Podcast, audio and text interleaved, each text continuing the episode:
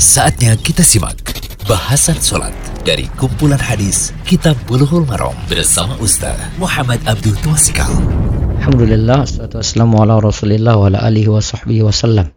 Kali ini kita berada di audio ke-37 dari kitab Bulughul Maram, kitab sholat. Ini tentang kentut saat sholat. Hadis yang kita bicarakan yaitu hadis 205 dan 206. Hadis 205 dari Ali bin Talq radhiyallahu anhu qala qala Rasulullah sallallahu alaihi wasallam idza fasa ahadukum fi sholati falyansarif wal yatawadda wal yu'idi sholata rawal khamsatu wa sahahu ibnu hibban.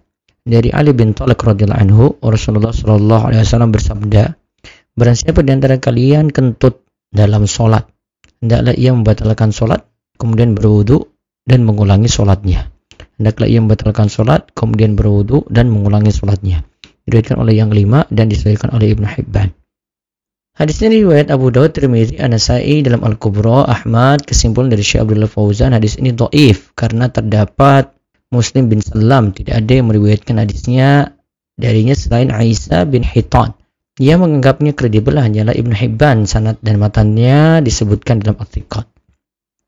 Jadi tadi hadis ini membicarakan siapa di antara kalian kentut dalam sholat, hendaklah yang membatalkan sholat, kemudian berwudu mengulangi sholat ya. Sekarang perhatikan hadis ke-206.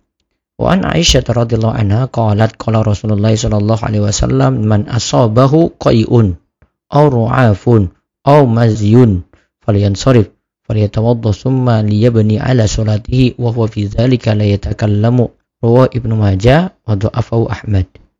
Dari Aisyah radhiyallahu anha ia berkata Rasulullah sallallahu alaihi wasallam bersabda siapa yang terkena muntah misan darah yang keluar dari hidung kemudian mazi ya lendir yang keluar dari kemuruan karena syahwat ya. Maka hendaklah ia membatalkan sholatnya. Kemudian ia berwudu lalu ia lanjutkan sholat sebelumnya. Ingat kalimatnya di sini berwudu lanjutkan sholat sebelumnya. Berarti kalau di rakaat kedua batalnya berarti dia lanjutkan lagi. Oh sekarang rakaat kedua lanjutannya berapa? Selama ketika itu ia tidak berbicara. Nah di sini diriwayatkan oleh Ibnu Majah di sini diriwayatkan oleh Imam Ahmad. Syabdullah Fauzan katakan di sini doif. Ibnu Majah bersendirian dari penulis enam kitab lainnya Faedah hadis. Hadis ini menunjukkan bahwa di antara syarat sholat adalah harus bersuci. Itu syarat mutlak ya. Dari Abu Hurairah radhiyallahu anhu ia berkata, Rasulullah shallallahu alaihi wasallam bersabda, "La yaqbalullahu salata ahadikum idza ahdasa hatta yatawaddaa." Allah tidaklah menerima sholat salah seorang di antara kalian ketika ia berhadas sampai ia berwudu. Hadis riwayat Bukhari dan Muslim.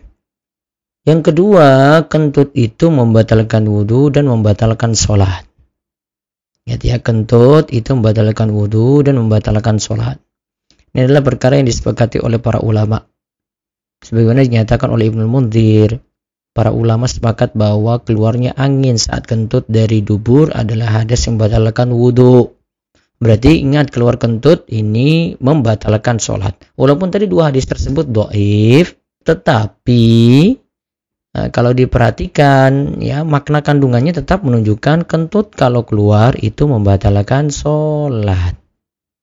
Terus kita lihat lagi hadis berikutnya yang ketiga kentut itu membatalkan wudhu. Kita lihat lagi dari hadis Aisyah yaitu di hadis kedua hadis 206. Ini hadis Aisyah menerangkan bahwa jika kita dapati hadas maka cukup ulangi wudhu dan melanjutkan sholat yang tadi telah dikerjakan. Padahal hadis Abu Hurairah yang disebut di atas, yaitu yang disebut sebelumnya itu hadis Abu Hurairah yang kita bahas Laik balallah salat ahadikum idza ahdatsa hatta yatawadda. Allah tidaklah menerima sholat salah seorang di antara kalian ketika ia berada sampai ia berwudu. Ini menunjukkan kan batal itu sholatnya. Sholat orang yang beradas tidak diterima berarti batal kan sholatnya. Artinya jika terjadi ada sebelum sholat maupun berhadas di tengah sholat walaupun darurat tetap sholatnya tidaklah diterima. Sampai dia ulangi wudhu dan dia ulangi lagi sholatnya dari awal.